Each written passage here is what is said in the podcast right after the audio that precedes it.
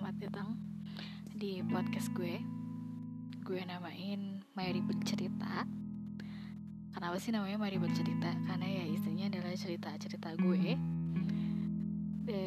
Dari berbagai perspektif Entah itu dari kehidupan gue atau kehidupan teman gue Tapi isinya ya sekitar gue gitu. Dan ini adalah um, channel podcast pertama gue. Jadi gue juga cukup deg-degan karena gue nggak pernah ngobrol di depan umum nggak pernah ngomong di depan umum juga. Jadi ya bagi kalian yang dengerin podcast gue makasih banget udah mau berbagi atau share pemikiran gue ke teman-teman.